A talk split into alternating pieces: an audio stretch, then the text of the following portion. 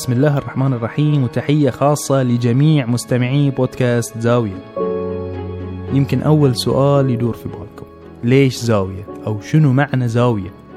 لو سألنا نفسنا هل نقدر نشوف السينما بدون زاوية رأي معينة؟ مستحيل. هل نقدر نصور فيلم بدون زاوية مكانية معينة؟ أيضا مستحيل.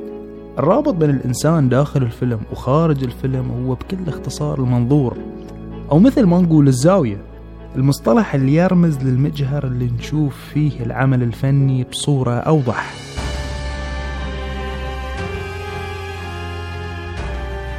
في بودكاست زاوية راح نتطرق للعديد من المواضيع السينمائية وبقدر كبير من التجريد محاولة للابتعاد عن النمطية في الاختيار. طبعا ما راح نسجل مراجعات سينمائية ما بنعطي المستمع توصيف تقليدي للفيلم. وإنما راح تكون تغطياتنا بشكل أبرز على اللمسات اللي ما لقت اهتمام كافي.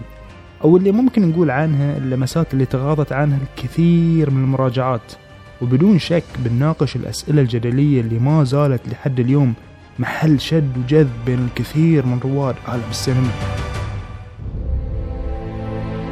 إيمانويل كانت في كتاب نقد العقل العملي وضح نقطة في غاية الأهمية. أنا شخصيا دائما أربطها بعالم السينما. وهي أن المسائل الذوقية دائما تخضع لذات الإنسان ذات الإنسان فقط وانعكاساته الاجتماعية وتراكماته الفكرية.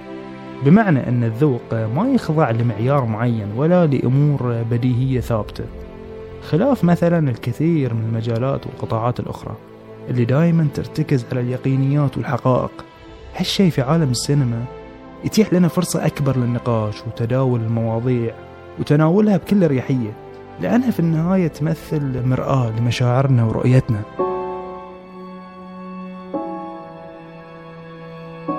بودكاست زاوية ينطلق من فكرة أن الرؤية للسينما هي رؤية ذاتية.